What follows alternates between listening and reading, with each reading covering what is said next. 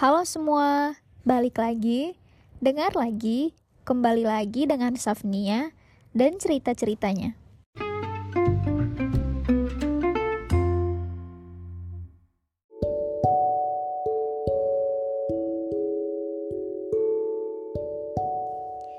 Bayar pakai uang atau terima kasih aja?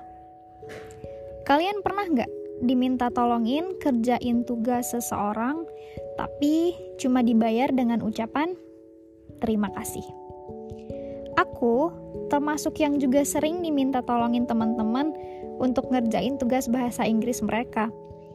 Aku nggak apa-apa dan it totally fine selama itu masih mudah dan gak membutuhkan waktu kerja yang banyak. Sampai akhirnya, dosen aku pernah bilang, kalian kuliah capek-capek, ngeluarin biaya, waktu. Jadi, kalau ada yang minta tolong jasa ilmu kalian, ya nggak apa-apa minta imbalan.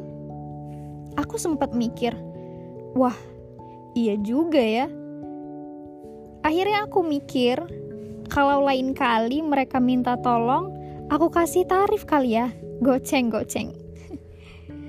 Menurut aku, itu nggak apa-apa juga, karena itu jadi salah satu bentuk apresiasi kita terhadap ilmu yang sudah kita pelajari. Karena dalam kita menuntut ilmu pun, ada banyak hal yang kita korbankan. Waktu dan biaya contohnya. Jadi, baik si penerima ataupun pemberi jasa harus sama-sama mengerti. Hingga akhirnya, kejadian itu terjadi di aku. Waktu itu, aku ada tugas UTS mata kuliah bahasa Arab. Tugasnya itu bikin kalimat yang ada SPOK-nya. Masalahnya adalah aku lupa beberapa hal tentang materi itu yang kalau beda subjek itu bisa mengubah huruf depan kata kerjanya. Ya kayak gitu kalau aku nggak salah. Pengen belajar sendiri, tapi catatan masa aku di pesantren itu tinggal di kos. Sedangkan posisi aku waktu itu sedang di rumah. Akhirnya aku minta rekomendasiin teman pondok aku yang pinter kiraatul kutub. Waktu itu aku bener-bener nanya sebanyak-banyaknya apa yang aku nggak ngerti aku tanya apa yang aku bingungin aku tanya dan terharunya beliau adalah orang yang sabar banget ngajarin aku bahkan di waktu-waktu sibuknya dia pun dia sempetin buat bales chat aku yang gak ada abis-abisnya itu singkat cerita tugasnya selesai aku berniat untuk kasih sesuatu karena Aku pikir, ya apa salahnya? Aku kepikiran kasih uang awalnya. Tapi aku ngerasa nggak enak karena kayak nggak etis aja, kurang etis aja kalau kita kasih uang gitu. Jadi kepikiran untuk kirim makanan. Aku coba nanya sama teman aku yang rekomendasiin beliau.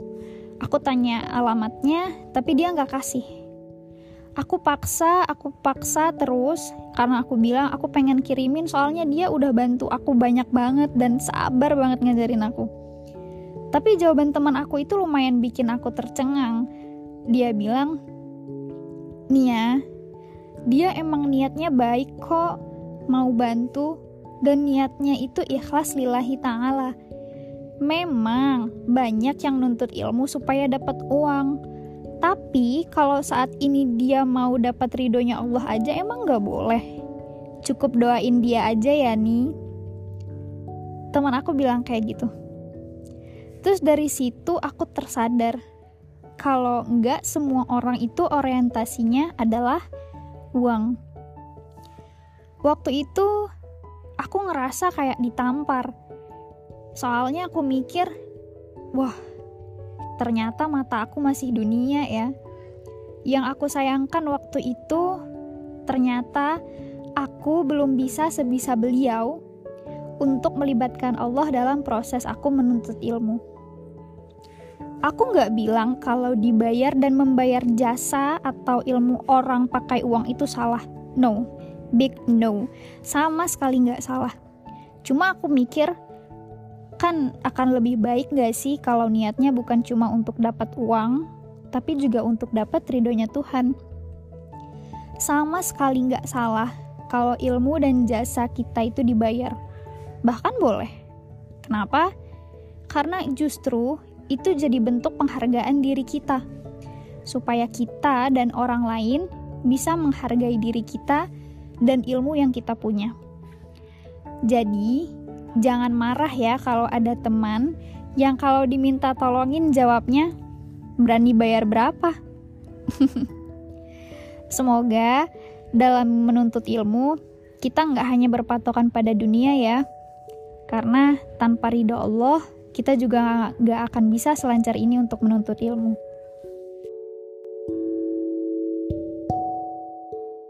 Terima kasih sudah mendengarkan podcast dari temanmu. Ingat, ambil baik-baiknya, buruk-buruknya, jadiin pelajaran aja. Dari temanmu, Safnia.